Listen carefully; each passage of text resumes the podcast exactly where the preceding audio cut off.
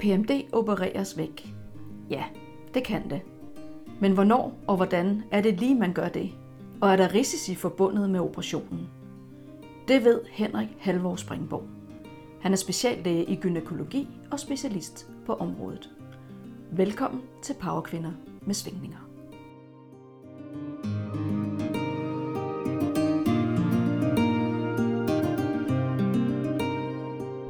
Nu sidder vi her på dit kontor, Henrik. Ja, Og, øh, velkommen. Tak skal du have. Tusind tak, fordi du har budt mig ind. Jamen, det vil jeg meget gerne. Det lyder rigtig godt. Det, øh, det, der kommer til at ske i dag, det er jo, at øh, vi to skal have en øh, samtale om det der med at blive opereret, når man har svær PMS eller PMD. Ja, Og det ved du jo alt om. ja bortset fra, at det er jo ikke så mange, vi opererer for det. Nej. Det er, jo- øh, og det er noget helt nyt, at man for, de store hospitaler, blandt andet Rigshospitalet, begyndte at overveje det. det. Det er ikke noget, nogen af os i branchen har mødt så meget. Nej. Og derfor er det jo også på den måde nyt. Men selve ideen i operationen kender vi jo fra andre grunde, altså andre indikationer. Eller, så, så det er ikke på den måde nyt, men det er jo nyt, at man gør det på den, af den årsag. Ja. Og der er jo en ret særlig grund til, at det er her på dit kontor, jeg sidder. Ja. For hvem er det nu, du er? Ja, jeg hedder, ja, jeg hedder Henrik, og jeg er gynekolog og, og øh, specialiseret i kikkertkirurgi. Øh, og, og der mødte vi jo hinanden, øh, fordi at du faktisk kom fra Rigshospitalet for at blive, fordi der var problemer på grund af corona og strejke og så videre, og skulle vente meget længe. Så kom du ud til mig på det privathospital, jeg var på dengang, Ja. ude i Farum, og der blev du så opereret af mig, efter vi havde grundigt undersøgt, at det var nødvendigt. Det må man vi havde sige. prøvet alt. Ja, lige præcis.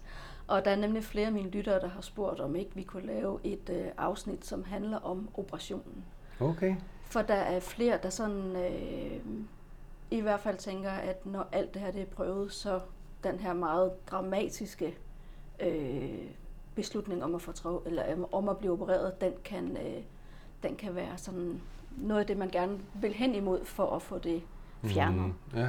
Og, øh, og så tænkte jeg, det kunne være, at du vil prøve at hjælpe os igennem. Hvad er det egentlig, der er vigtigt at være opmærksom på, i forhold til at være nået så langt hen, at operation er det eneste mm. rigtige.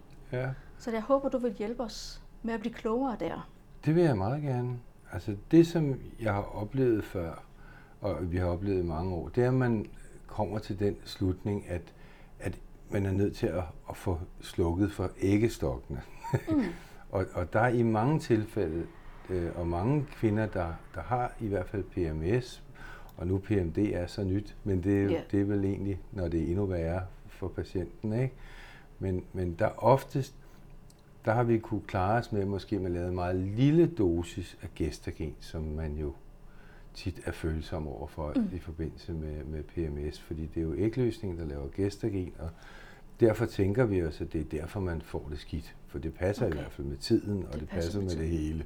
Ja, Øh, og hvis man så øh, ikke har ægløsninger, så, så, øh, og det kan man jo få ved at lave en mindre operation, som er noget, man kan lave ambulant, og som ikke er så indgribende, så fjerner man æggestokkene, og så øh, kan man give østrogenbehandling ved, at man samtidig lægger en hormonspiral, som er langt længere, lavere dosis ind i livmoderen, så den virker lokalt. Mm.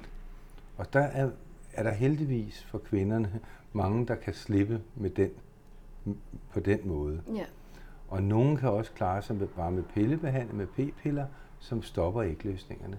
Og så får de en jævn hormon øh, påvirkning, som gør, at de faktisk har det godt. okay. Så Så det vil være det første, man ligesom Ja. finder ud af. det vil det. Hvad skal der til, før Og man der- kan slippe? Og der tror jeg, der er mange, som, som slet ikke når til os på hospitalerne, som hos deres gynekolog øh, Ja. får løst problemet ved det. Men dem, øh, som jeg forstår, at du spørger om, det er jo dem, som så ikke lige får løst det på den måde. Ja, Og der er det jo som, jeg ved ikke, om jeg må sige dit tilfælde, men der var det sådan, at vi prøvede jo alt muligt gæstergen i små doser, Præcis. og meget små doser, ekstremt små doser, ja, og du fik det rigtig skidt hver Ja. gang. ja.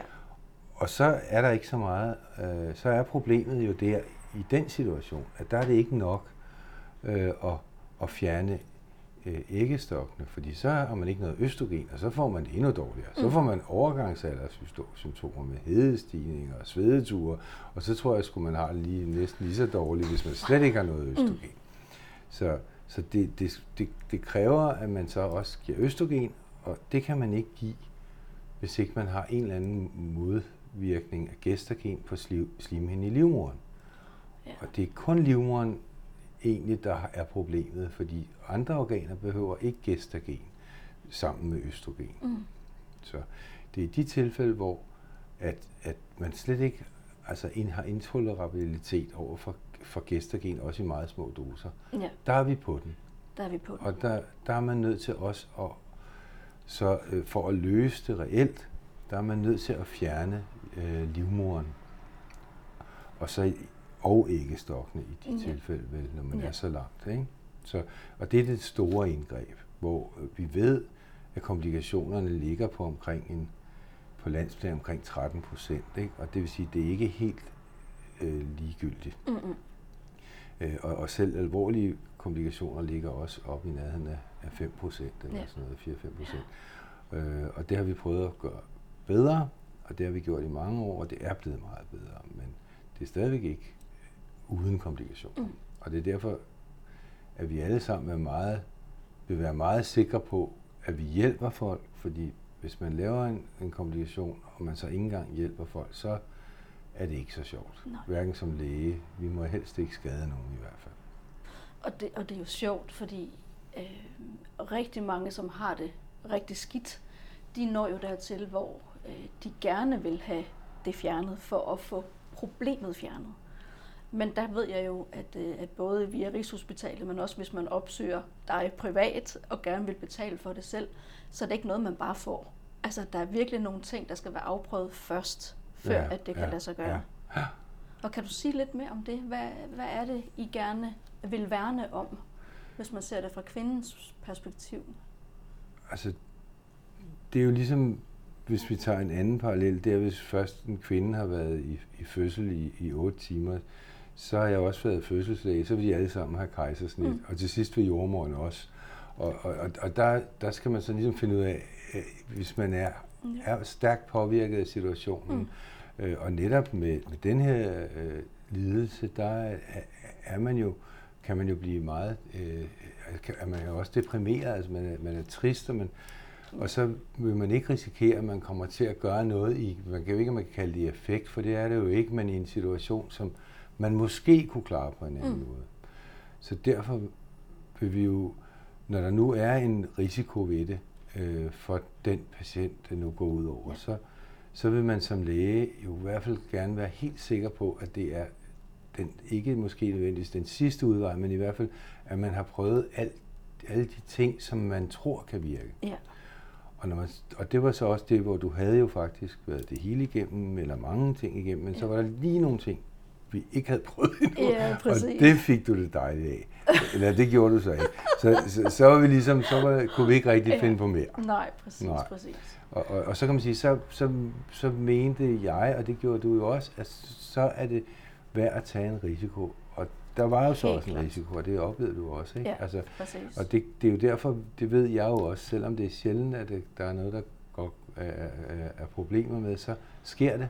Ja. Og, og det er der, man gerne... Hvis jeg nu havde opereret dig for eksempel, og der var kommet komplikation, og så jeg fandt ud af, at det havde, hvorfor lavede vi ikke bare en spiral eller et eller andet. Ikke? Altså det ville jeg jo ikke rigtig kunne komme over.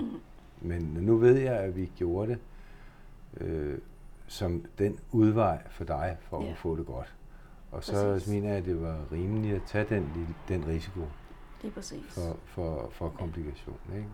Og heldigvis er det jo meget, meget sjældent livsfarligt. Altså det, det er jo også vigtigt at sige, at der, der, altså det, det er helt ekstremt få, der egentlig dør af, af det. Altså det, det er under, under en om året mm. overhovedet, og der bliver lavet måske 2-3.000 operationer. Ja. Så det er ekstremt sjældent. Og, og der er det jo også lidt vildt at tænke, at nogle gange så kan det at få en operation med en komplikation, hvor man faktisk kan dø, det er meget sjældent. Men hvis man ikke får den, så er der faktisk også en risiko for, at man ikke overlever. Mm. Ja, det ved du jo Ja, mig. det er jo det, der er Men jeg kan vildt, go- at man godt sætte mig ind i, at man kan have det, være så trist, at det Ja, ødelægger ens liv så meget, at man måske i sidste ende ikke magter det, ikke? Præcis. Er det det, du... præcis.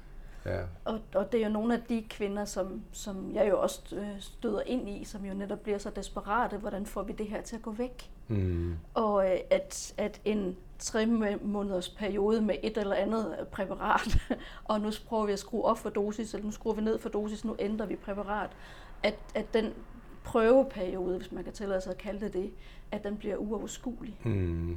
Det kan jeg godt forstå. Og, og hvornår er det, du får kontakt med de kvinder, som nu kom jeg banket på din dør og sagde, Ja. vi må gøre noget her. Hvad, hvem er det, du møder? Men altså, jeg, jeg har jo... Altså, jeg har ikke mødt så mange, fordi at jeg, jeg har min, min praksis, hvor jeg ser patienter, der kommer fra praktiserende læge, der ser jeg nogen, ikke? Mm. Og, og der har jeg i de fleste tilfælde øh, kunne løse dem, for eksempel med en p-pillebehandling og sådan nogle ting. Og de har jo været, og de er jo dem, der så er heldige, øh, kan man sige, at de ikke behøver at gå Præcis. videre, ikke? Meget Men ligesom med alle andre lidelser, så er der nogen, der har, øh, det, de har lidt psoriasis på store tåen, og nogen har det over hele kroppen, og det, man kan jo ikke sige, at det er det samme. Det er det overhovedet ikke. For det ene, det påvirker din livskvalitet ekstremt. Det andet er bare sådan, øv, det er lidt irriterende de Mm. to dage, eller hvad, Ja. altså, det er yderpunkterne, ikke? Ja. Øhm, så, så, så de der meget svære tilfælde, der tror jeg, at egen læge sender dem til for eksempel Rigshospitalet, hvor de arbejder meget med, med de ting, Mm. ikke? Øh, og måske er dem, der ved mest om det. Ja. Og dem ser vi andre ikke så meget. Nej. Øhm, og så i tilfælde, hvor de skal opereres, jamen, der kan vi andre jo så også komme på banen igen. Ja, præcis. Men, præcis. øh, men det er nok der, Ja. man primært har fået... øh, De er, øh, Ja. og derfor er det ikke der, der er jeg jo ikke. Så, Nej. så der ser jeg jo ikke dem. Ligesom man siger med, med patienter, der har øh, underartede sygdomme, de kommer også derind, eller på Herlev, eller så ser vi heller ikke dem mere. Mhm. I gamle dage så vi alt. Ja. Ikke? Så så vi kun en af hver, Ja. og så var vi ikke skide gode til det. Så det er nok meget godt, at vi At det er ser mere end en. ja, ja, ja. Så inden man overhovedet kommer derhen, hvor en operation er på tale, det er så der, hvor man også skal finde ud af, hvis der skal en operation på tale, hvilken en af dem skal mm. det så Mm, være? Det er rigtigt, ja. Og det var det, vi talte om før, Mm. om man kan tåle øh, gestagenen Mm. eller ej. Ja, det er rigtigt. kan Det, det er kernepunktet, ikke? Ja, Fordi hvis man kan tåle gestagen tablet, øh, altså fordi nogen de reagerer mest på ændringerne i gestagenen, og ikke så meget, tror jeg, altså det er jo ikke sådan videnskab på den måde, men og, og nogen de reagerer bare på, at det er der. Ja. Altså uanset om det i, i det tilfælde, vi to oplevede, der var det lige meget, hvor lav en dosis, så, så blev, blev du utilpas af det. Mm. Så det er jo et meget godt eksempel på den, den, den ekstrem, hvor det er lige meget hvor lidt, og bare det er der, så går det galt. Ikke? Ja. Og så er der andre, hvor at bare de får det jævnt, så kan de simpelthen tage helt almindelige hormonpiller ja, med østrogen og gestagen i balance, så det ikke ødelægger slimhinden og virker på psyken og på huden og på knoglerne og det hele. Og så er det jo også meget nemt, Mm. ikke? Men det er jo faktisk der, hvor det skiller, det er, når man ikke kan tåle gestagen, så er vi lidt på den, når man har en livmor. det må man sige. Ja. Og bare lige for sådan en afklaring, når du siger gestagen, er det det samme som progesteron? Ja, altså det er sådan mere generelt, ikke? Altså progesteron, det er den, den naturlige, man har i kroppen, ikke? Ja. Og, og så, bruger, så er det den samme gruppe, der har den samme virkning på, på slimhinden, Mm. ikke? Og det, Okay. det er der, så det er bare derfor, vi, der, vi har, vi, man kan også få ægte progesteron som behandling, men, men den, den ved man i hvert fald, I ikke kan lide. Ja. Okay, For det er der problemet er, Ja, ikke? ja. Og, og de andre kan I heller ikke Ja. lide. Så, så, er det, så er vi der lidt, ikke? Ja, Så. okay.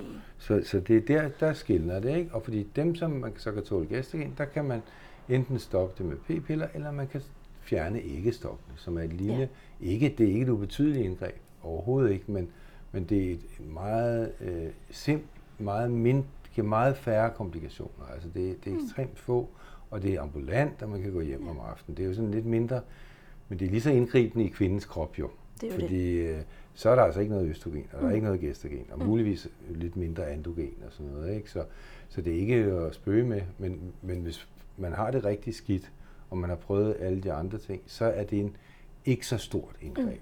At, at gøre, og så, kan man, så skal man bare vide, at man skal tage østrogener, og så også gæt, indtil man skulle have gået i overgangsalder, for ellers så påvirker man ens knogler negativt, og Ja. ens blodkar måske, øh, og, og, og, og hud, og måske og libido, ved vi ikke, og hår, og Ja. alt sådan noget. Ikke? Ja. Så der skal man være indstillet på hormonbehandling, synes jeg. Ja. I hvert fald til 50-årsalderen eller noget mm. stil, for ikke at få en negativ indflydelse på det samlede helbred. Ja. Okay. Vil du prøve at fortælle os lidt om, hvordan det er, det foregår, hvis man nu skal have fjernet sine æggestokke, Conny? Ja, øh, der gør man det, at man, øh, altså det gør vi, jeg tror alle, der får fjernet dem i dag, der fjerner man dem via øh, et hul i navlen, hvor man laver en lille, det er 12 mm eller sådan noget, den port, man sætter ind. Og så har man nogle hjælpehuller på 5 mm, og så putter man den, øh, det hedder en, en trokare, ind i navlen, og så puster man maven op. Og så de fleste kvinder har måske født et barn, så kan man puste den op til 4 liter, og, og så er der masser af plads. Ja. Og, og hvis man ikke har født, så kan man måske være 2,4 liter, og så er der lidt mindre plads, men der er rigelig plads til det her.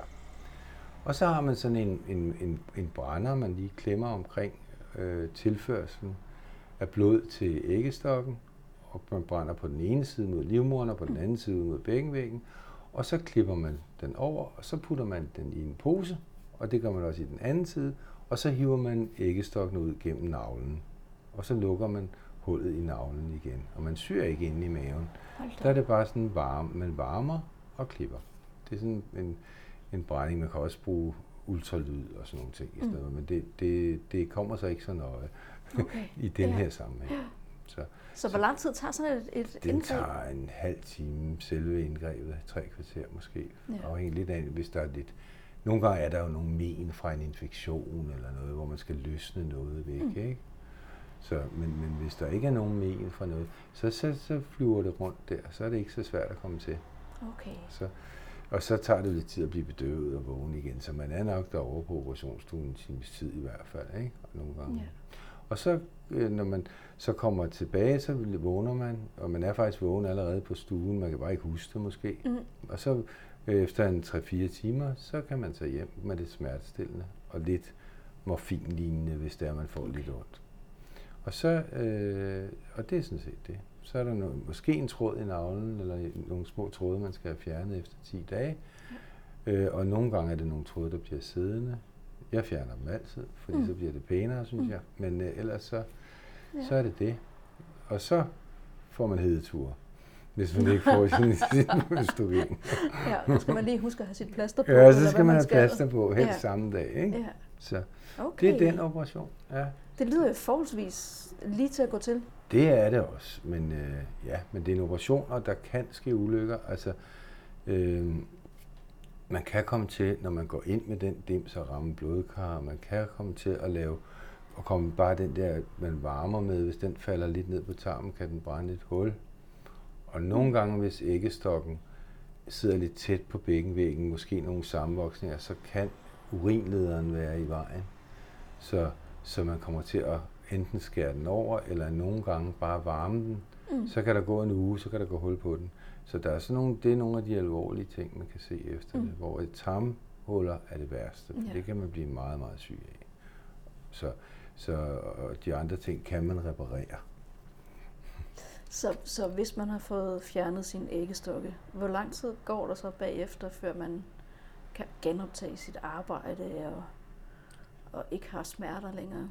Altså, man føler, nogen kan føle sig lidt oppustet i, i op til en uge, men jeg synes, de fleste, de, altså jeg tror, jeg siger til folk, bliv hjemme en uges tid, ikke? Men, men meget tit, så, så er de i gang efter et par dage. Mm. Mm.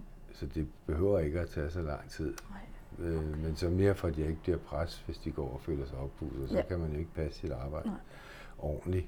Så, så det er jo lidt, det er meget individuelt, hvordan man råder. Mm. Ikke? Ja.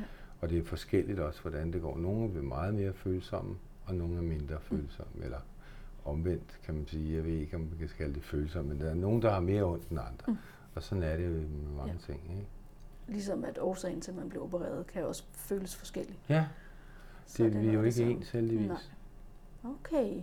Hvis man så er så uheldig, at man ikke kan tåle det der gestagen, og man skal have den lidt større udgave, hvor man skal have livmoderen med ud også. Mm. Hvordan ser det så ud? Hvad er det, I gør der? altså det, det er øh, faktisk øh, som udgangspunkt lidt den samme operation. Hvis man vælger, som man gør i Danmark i 99 procent af tilfældene, at tage hele livmoderen ud, og det kan der være en vis idé i, for der kan være lidt slimhinden ned i livmoderhalsen, hvis man vil give østrogen uden gestagen. Ikke? Så det er måske i den situation en god løsning at tage det hele, hele livmoderen ud.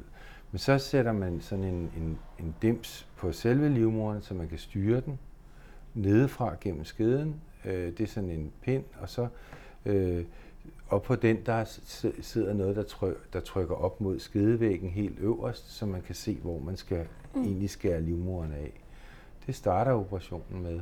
Og så, når man har sat den på, det hedder en uterin-manipulator. Det betyder simpelthen en livmoder flyt rundt på. Dims. Dims. Direkte oversat. ja, se. Og så er man så heldig, hvis livmoderen ikke er meget stor, så kan man tage den ud gennem skeden. Og det vil sige, så kan man nøjes med bitte små huller i bugen. Mm. Der er altså nogle 5 mm rør, og det vil sige, at man snitter måske 7 mm. Og så er der kun nogle huller, der kun skal lukkes i huden, fordi de lukker sig selv nede i selve bindevævet, så man slet ikke får brok og sådan noget. Så det, der sætter man sådan typisk fire af dem. Og så er der en, man kigger i, og så er der øh, øh, tre, man arbejder med. Og der er kirurgen, han har art 2, han står og styrer med. Og, og, og der, øh, hvis man så i, i, i de her tilfælde, hvor det både er æggestok og æggeleder, så, så åbner man, øh, øh, så løsner man livmor og æggestokker og æggeleder i, i samlet. Okay. Og det vil sige, at man tager først ude ved væggen typisk øh, og fjerner, øh, hvor æggestokken sidder fast på bækkenvæggen. lidt i luften. Ja, jeg klipper lidt i luften, ja, fordi ja. jeg kan ikke lade være. og, så, og, så, og det er det samme, som jeg sagde før. Man varmer det, eller man kan, der er forskellige nye, moderne ting, hvor man bruger ultralyd, og man bruger nogle andre ting til at smelte det sammen, mm. så det ikke går op igen. Og så, så klipper man det, og nogle instrumenter, som vi bruger her, de kan både varme og klippe. Og så klipper man ligesom derud af varme, klippe, varme, mm. klippe, varme. Og så øh, tager man og løsner øh, æggestokker og æggeleder fra bækkenvæggen og fra ligament, det der snor livmoderen hænger i, mm. som hedder det runde ligament. Og så øh, skærer man det runde ligament over, som styrer livmoderen over side indeni, og så kommer man ned langs siden af livmoderen, og der fjerner, skærer man så blodkarrene over, de store blodkar til livmoderen. Mm. Og det er dem, man skal passe rigtig på, fordi de, de kan bløde rigtig meget. Og så øh, åbner man buhinden, den dækker det hele dernede. Rundt, ligger ligesom sådan en folie rundt om hele livmor og æggestok og æggeled. Og så åbner man den, sådan så man kan få trykket blæren ned. Og det gør man så også med de her instrumenter. Og så kan man se skeden, og livmoderen den sidder jo faktisk fast i skeden. Og så klipper man længere ned i siden, som er de snore ligamenter, som livmoderen hænger i, som går ned til bag i til det, der hedder korsbenet, og nogen, en, der går ud i siderne, og der klipper man den af, og så er livmoderen ligesom løs og hænger bare fast i skeden. Mm. Og så gør man det, at man starter med sig i måske venstre side, og så gør man det samme i højre side. Og så hænger livmoderen faktisk uden blodkar. Den bliver helt blå, øh, fordi den ikke får noget ilt mere. Og så er der skeden, toppen, den, den er, er, kan man lige se øh, ved blæren, fordi man har skubbet blæren ned. Og så skærer man rundt der, enten med sådan en øh, varm dims. Jeg bruger ultralyd, fordi for ikke at varme for meget dernede mm. omkring blære og sådan noget. Så bruger man sådan en ultralydssaks, og så skærer man i sådan en plastikåbning, der var i den der manipulator, vi mm. snakkede om, eller rumster, dims der. Og så skærer vi hele vejen rundt, og så siger blup, så ryger livmoderen først lidt ind, fordi der sidder en sygeplejerske og trykker på livmoderen hele tiden, for at holde den væk fra urinleder, for at holde den væk fra blære, for at holde den væk fra tarm så vi ikke kommer til at lave nogen skader. Mm. Og så hiver man faktisk, så går jeg ned og tager fat i den pind, hvor livmoderen hænger i, og så trækker jeg livmoderen ud.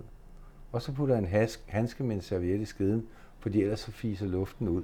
Så så ah. kan vi ah. puste op igen. Ej, ja selvfølgelig. Ja. Og så har man så et felt forhåbentlig, hvor det ikke bløder. Og hvis der er noget, der stadigvæk bløder, så, så varmer man lige på det. Og så er det sidste del af selve operationen, det er faktisk at lukke skederøret den ender jo nærmest i sådan en ring, øh, en krans, øh, mm. fordi skeden er et rør, ja. og den øh, sidder så op i, i, der kan man se, hvor den kommer op mellem blæren og tarmen. Og så syr man den og passer på ikke at sy fast i blæren eller mm. urinlederen, som også er tæt på, og tarmen. Og, så der er lidt risiko i forbindelse med mm. det.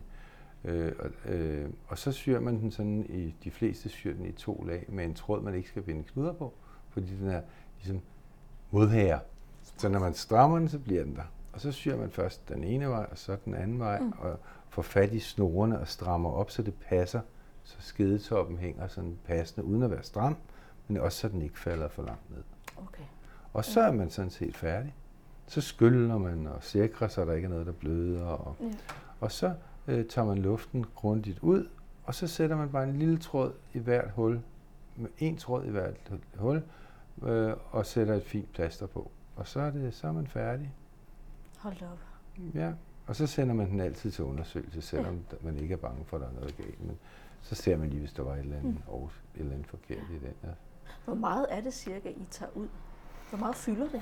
Altså, det, hvis det er en helt lille, en normal livmor, så vejer den måske en 100 gram eller sådan noget, ikke?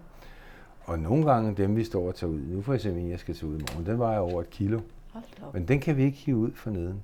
Så den er vi nødt til at putte ned i en pose, og så, så laver vi den om til sådan en pølser, så vi trækker ned i sådan en mozzolata, mm. den, ikke? Øh, og det kunne man jo også. Man kan jo sagtens have, have PMS, og så have en stor fibromatøs livmor. Ja. Det er sådan, at hver anden kvinde, øh, der er omkring de der 40-50 år, de har muskelknuder. Og så er, er den mange? jo i princip forstørret. Ja, det er halvdelen. Okay. Og hvis du var sort pige, så ville det måske være 80 procent. Det er sådan genetisk. Okay. Og vi ved ikke, hvorfor man får dem. Men det er ligesom sådan nogle brusk dimser. Helt. Så, men, så det, det mm. afhænger lidt af, hvor stor den er. Mm. Men, men det kunne være nogen, hvor det også er nødvendigt, mm. at man ikke kan få den ud fra neden. Og så bliver man nødt til at putte den i en pose og mosolere den, ikke? hvis mm. man kan det. Ja. Det er ikke alle steder, de kan. Så laver de et lille, eller laver, så kan det være, at de laver det som en åben operation, og det er så et helt andet princip. Ja. Hvor man simpelthen starter med at lave et hul, og så gør man alle de ting, jeg har fortalt, gennem det hul, og så tager den ud der. Ja. Og så lukker man ud, og det skal okay. syes. Ja både det ene i, i to eller tre lag. Ikke? Ja. Så. Og der, de har det lidt flere komplikationer, hvis man laver det ved åben operation, mm. og de har et længere forløb, og, mm. de, og de er sygemeldt længere. Okay. Så når man nu, jeg kan godt huske, hvordan det var at vågne op der, så sjovt er det jo heller ikke, Nej, kan man det sige. er det ikke. Nej. Hvad, hvad er det, I er opmærksomme på bagefter? Hvad er det? Og hvad er det, man som patient skal være opmærksom på bagefter? Det, der er meget vigtigt at være opmærksom på, det er, at hvis smerterne bliver mindre og mindre fra dag til dag, det er jo en god ting. Ikke? Hvis så lige pludselig øh, en dag, man begynder sådan enten at føle sig lidt utilpas for feber, eller det begynder at gøre mere ondt, så, så skal man være, og det er noget, noget af det hyppigste, skal man være opmærksom på øh, infektion. Mm. Og det første og det hyppigste, det er blærebetændelse. Mm. Så skal man ringe til sit hospital eller sin læge og, og gå ned og få lavet en, uh, eller komme med en sådan midtstråle urin, hvor man mm. vasker lidt af, tisser, og så sætter det ind og ud, og så hælder op. Så kan man se, om der er infektion i blæren, og okay. så skal det behandles. Yeah. Det er det hyppigste. Uh, og så kan man også få infektion, hvis der er en lille, der vil altid være en lille smule blod inde i, Øh, og nogle gange kan der være en lille blødansamling, og den kan der gå infektion i. Mm. Det er også, og det kan man så måle ved at få et lille prik i fingeren. Især er det godt hos sin praktiserende læge, for de kan få måle det med det samme. Ja, de får svar og få svar med det samme, og så kan ja. man sige, gud, den, er, den skal være enten under 5 eller under 10 afhæng, afhængig af måleudstyret. Ikke? Mm. Og det er den aldrig, når man lige opererer. Mm. Men hvis den nu er 80 eller 100, så skal man virkelig være nervøs for, om der er infektion. Ikke? Ja. Og så skal man have antibiotika. Sådan. Så kan man tit redde den på det. Mm. Ikke? Ja.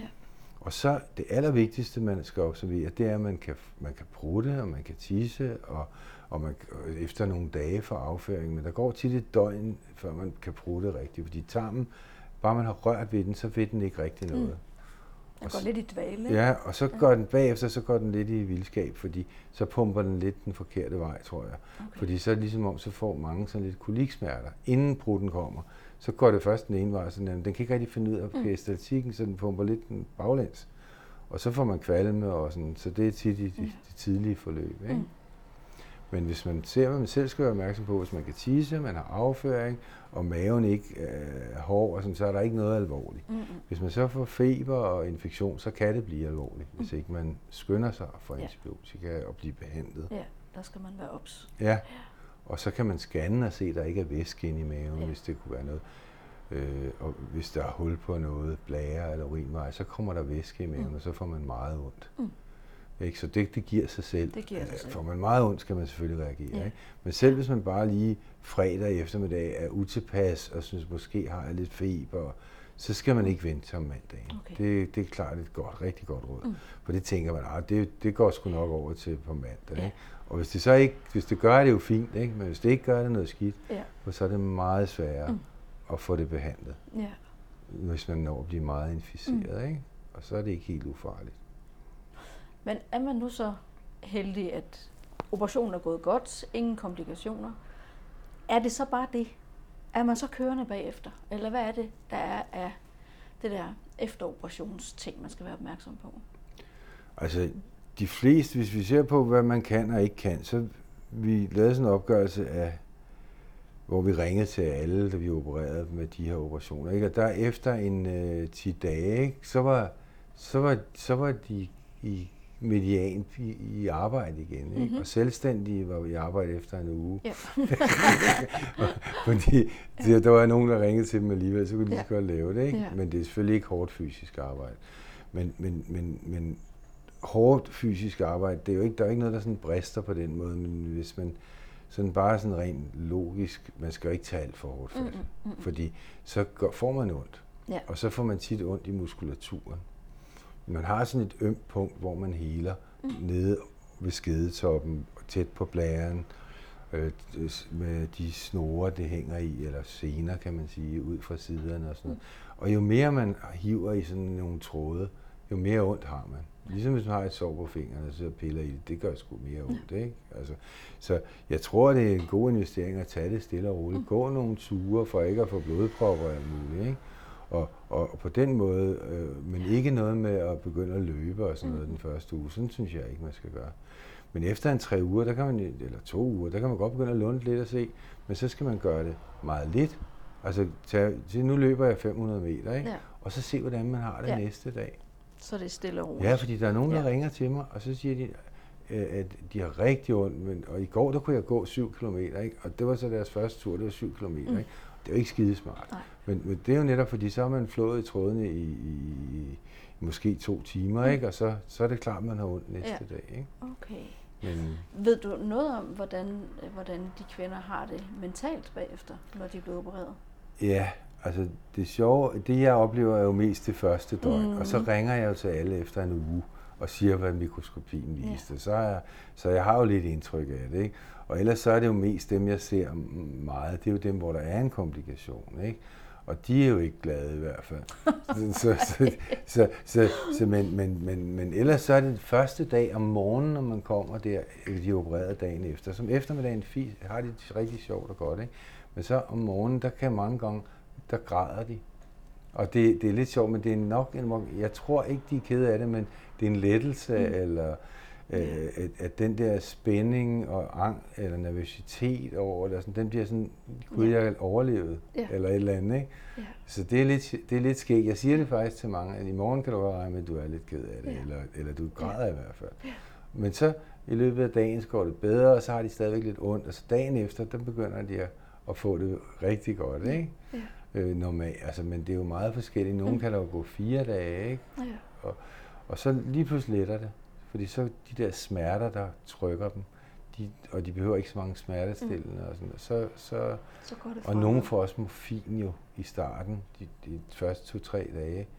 Og der, der, der ændrer de sig. Altså der kan Mm. man ikke rigtig vurdere, hvad det egentlig er. Mm. Altså, jeg kan ikke i hvert fald. Men, men der er man bare lidt anderledes, lidt, lidt i en anden verden, lidt, ikke? Og så, og så kommer det lige pludselig, åh, oh, nu har jeg det godt. så, ja, sådan plejer det at være. Og de, altså de andre, som, som, har oplevet, som du har oplevet, har haft det svært mentalt inden, og de blev opereret af den årsag. Har du øh, kontakt med dem bagefter og ved, hvordan det går i forhold til deres østrogen, og hvordan de har det? Ja, det har jeg, fordi jeg, hvis jeg har, så, altså alle patienter ser jeg efter en 6 uger, ikke? Og, og hvis det er noget med hormoner, så, så, gør, jeg det, så gør vi det i hvert fald, Mm. ikke? Fordi så vi lige kan se, hvor, hvor er vi henne Ja. nu, ikke? Fordi der er jo rigtig mange, der får fjernet æggestokkene også. Det kan også være, fordi man er bange for noget, at de altså de er disponeret til sygdom i Mm. æggestokken. Ikke? Mm. Der er der jo også, man tit vælger, hvis nu de skal have fjernet øh, æggestokken, når de er 40, så for øh, at man på den lange bane kan, kan give dem østrogen, der, der er det nogle gange, man vælger at, at, at fjerne øh, livmoderen også. Og dem kender jeg jo, der får de sådan, der, der giver man jo sådan lavest, hvis det nu er, er noget med øh, æggestok og brystkræft, så giver man jo den laveste dose østrogen, hvor de har det godt. Mm. Ikke? Og der kan det være en fordel ikke at give gestagen. For østrogen og gestagen giver mere, vis, viser det sig, giver øget risiko for brystkræft end ren østrogen. Det er faktisk ikke så problematisk. Okay.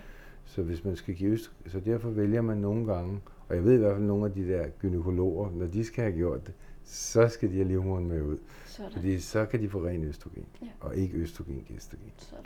Men der er det en anden årsag, Ja. hvis de er stærkt disponeret eller har haft brystkræft eller Ja. sådan nogle ting. Der er nogle genetiske sygdomme, der giver både æggestok og brystkræft. Ikke? Så hvis der nu sidder nogen derude og overvejer, altså har det rigtig svært på grund af PMS eller PMD, og overvejer at gå den vej, eller få en second opinion, eller Ja. hvad, vil du råde dem til at gøre? Altså umiddelbart ville jeg jo selv, hvis det var min egen kone, den er så, så ville jeg jo prøve at få, få dem ind hos dem, som beskæftiger sig med det på Rigshospitalet. Og jeg ved ikke, det er ikke sådan en, øh, en markedsført øh, sektion, men der er nogle folk, der arbejder rigtig meget med hormoner, og det er der sikkert også på de andre hospitaler. Ja. Øh, og, der kunne, og jeg ved jo også, der er i hvert fald også nogen på Hillerød, som øh, en prof, professor deroppe, og sådan noget, altså, som ved også en del om det, ikke? Mm. Men, men, øh, og der ved de i hvert fald, hvor, hvor de skal hen, ikke? Øh, Ja. og, og snakkes med, fordi jeg tror, at det vil være godt at prøve at få noget viden. At jeg ikke sidder og laver lidt her, og Mm. nogen laver der, og, og vi har alle sammen vores gode idéer baseret på tre patienter. Ja. Det, det bliver ikke særlig godt. Mm-mm. Så jeg tror, det ville gavne både kvinderne, men også øh, lægestanden, at, at der var nogen, som jeg nu ved, vi der er nogen, der på Rigshospitalet, der, der, der faktisk tager det her alvorligt, og Ja. ikke bare tager det alvorligt, men også øh, virer det noget, int- noget tid og, og forskning og, og, og, studere det, ikke? Ja. så tror jeg, det vil gavne alle, og også os andre, fordi så vil vi være mere trygge ved at gøre det, hvis de, Mm. det har jeg i hvert fald været, når de har sagt på, at det her synes vi er en god idé, så, så vil jeg have det bedre med at gøre det. Også hvis jeg løber ind i en komplikation Ja. eller sådan noget, ikke? Så vil jeg synes, det var, var bedre for os alle sammen. Mm. Ikke? Øhm, Så via egen læge, og så henvisning til, Ja, til for eksempel Rigshospitalet, Ja. hvis det er en, og så kan vi jo se, om de vil tage dem. Det kan Ja. godt være, at de vil have, og nu har jeg jo ikke snakket med dem om det her, men det kan være, at du selv kan snakke med Mhm. dem, ikke? Fordi du, du har jo kontakt med dem. ja, Og så finde ud af, måske, hvad siger I om det, ja, hvis det er sådan helt specifikke tilfælde, ikke?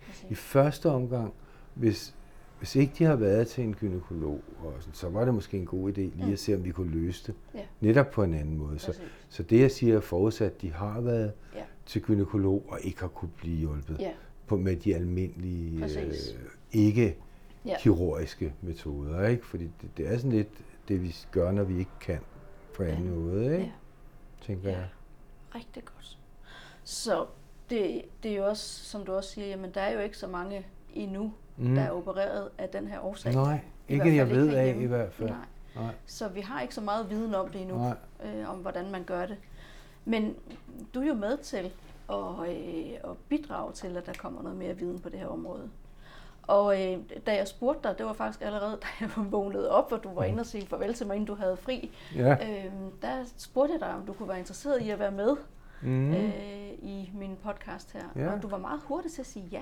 Ja, det vil jeg gerne. ja. Altså, Jamen, fordi- hvordan kan det være, at du gerne vil det? Det er jo fordi, jeg gerne vil, vil hjælpe. Altså jeg vil jo gerne, hvis, hvis der er noget, jeg føler, jeg kan bidrage med, så vil jeg gerne bidrage med det.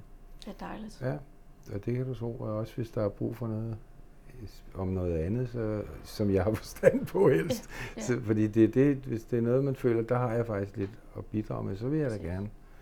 Jamen, det er jo super dejligt. Jeg kan i hvert fald sige, at øh, du er i hvert fald den person, der har haft størst indflydelse på mit velbefindende Nå. sidste år. Og Det- selvfølgelig også i år. Så Ja. det er jo super, super Ja, dejligt. ja, jeg håber bare, du får det rigtig godt fremover også. Det tror jeg da. Det tror jeg bestemt. Mm. Det har i hvert fald Ja. været en kæmpe hjælp og godt at blive taget imod, også med forståelse og, mm. og så videre. Det betyder virkelig, virkelig meget. Det er jeg glad for, at du siger. Ja. det, Så vi skal til at slutte af. ja, Øh, men igen, det var virkelig dejligt, at jeg måtte besøge dig her på dit kontor. og nu vil jeg vise dig rundt, hvis du har lyst til at se hospitalet. Det kan du tro, jeg rigtig, rigtig gerne vil. Ja. Tusind tak skal du have. Ja, det var så lidt, jeg ville.